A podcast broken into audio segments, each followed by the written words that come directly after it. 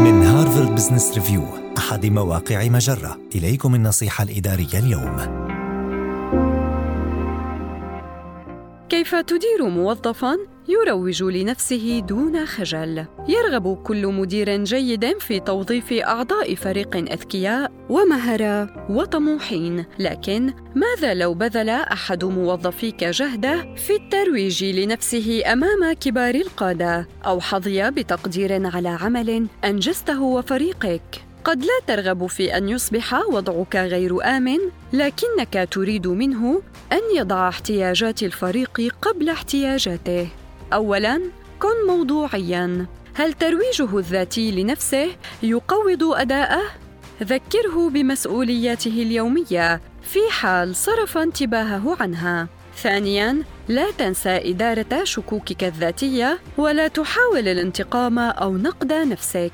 ثالثا كن منتظما في تقديم الملاحظات. وضح ماهيه أنشطة الترويج الذاتي المقبولة.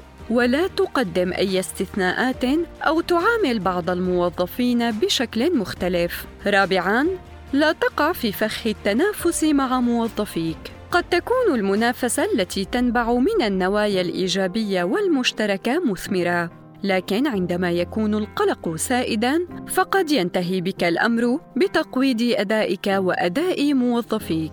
أخيرا فكر في أي دروس يمكنك تعلمها من موظفك.